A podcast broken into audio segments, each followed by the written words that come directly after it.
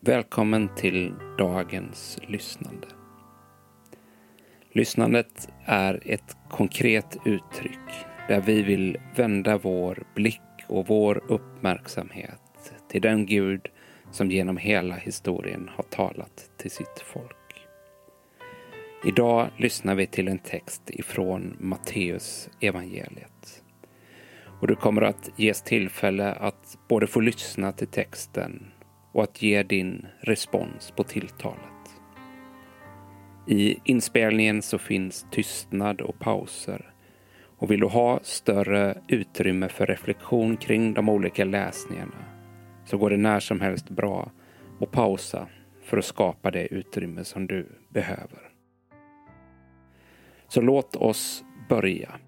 Och för att hjälpa oss själva att landa, ta tre djupa andetag och tillåt dig att bli närvarande på den plats där du finns och inför Guds ord.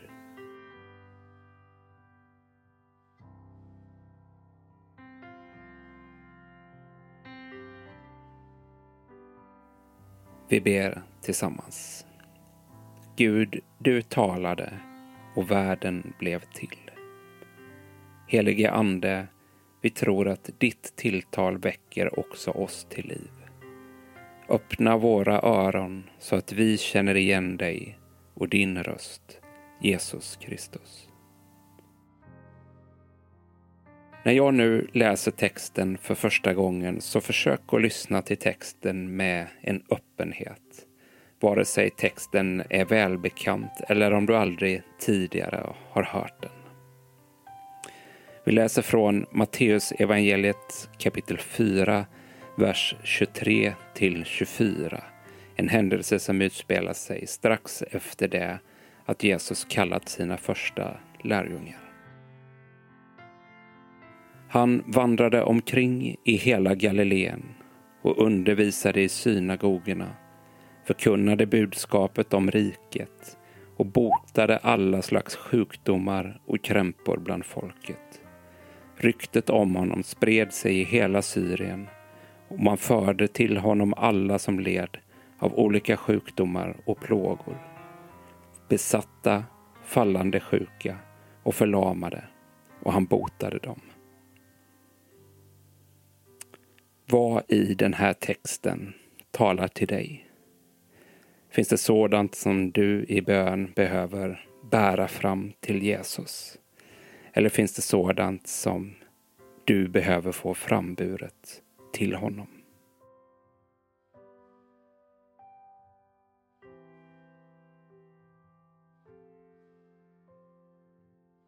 Inför den andra läsningen så ber vi den helige Ande att göra oss uppmärksamma på ett särskilt ord eller en mening i de här verserna som kan ha särskild betydelse för dig idag. Så när jag läser igen, öppna dig för Guds andes tilltal om vad i texten som har särskild betydelse för dig idag. Han vandrade omkring i hela Galileen och undervisade i synagogorna, förkunnade budskapet om riket och botade alla slags sjukdomar och krämpor bland folket.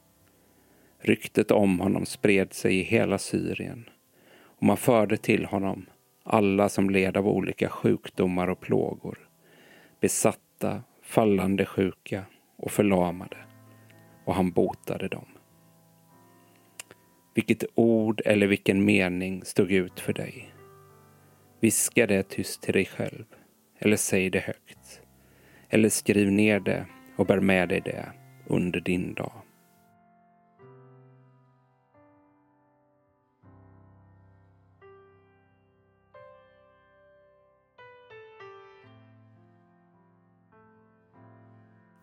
När jag läser texten för tredje gången så föreställer vi oss att Gud är närvarande på den plats där du finns.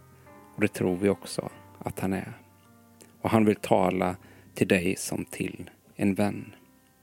Och i samtalet så bjuder han in dig att tala med honom och till honom om de här verserna. Han vandrade omkring i hela Galileen och undervisade i synagogorna, förkunnade budskapet om riket och botade alla slags sjukdomar och krämpor bland folket. Ryktet om honom spred sig i hela Syrien och man förde till honom alla som led av olika sjukdomar och plågor, besatta, fallande sjuka och förlamade, och han botade dem. När Gud nu har talat i och genom de här verserna, vilken blir din respons? Finns det frågor som du vill ställa, tacksamhet eller behov som du vill uttrycka? Situationer i ditt liv som du vill nämna? Gör det. Gör det tyst eller högt, eller om du trivs med att skriva, så skriv ner ditt svar till Gud.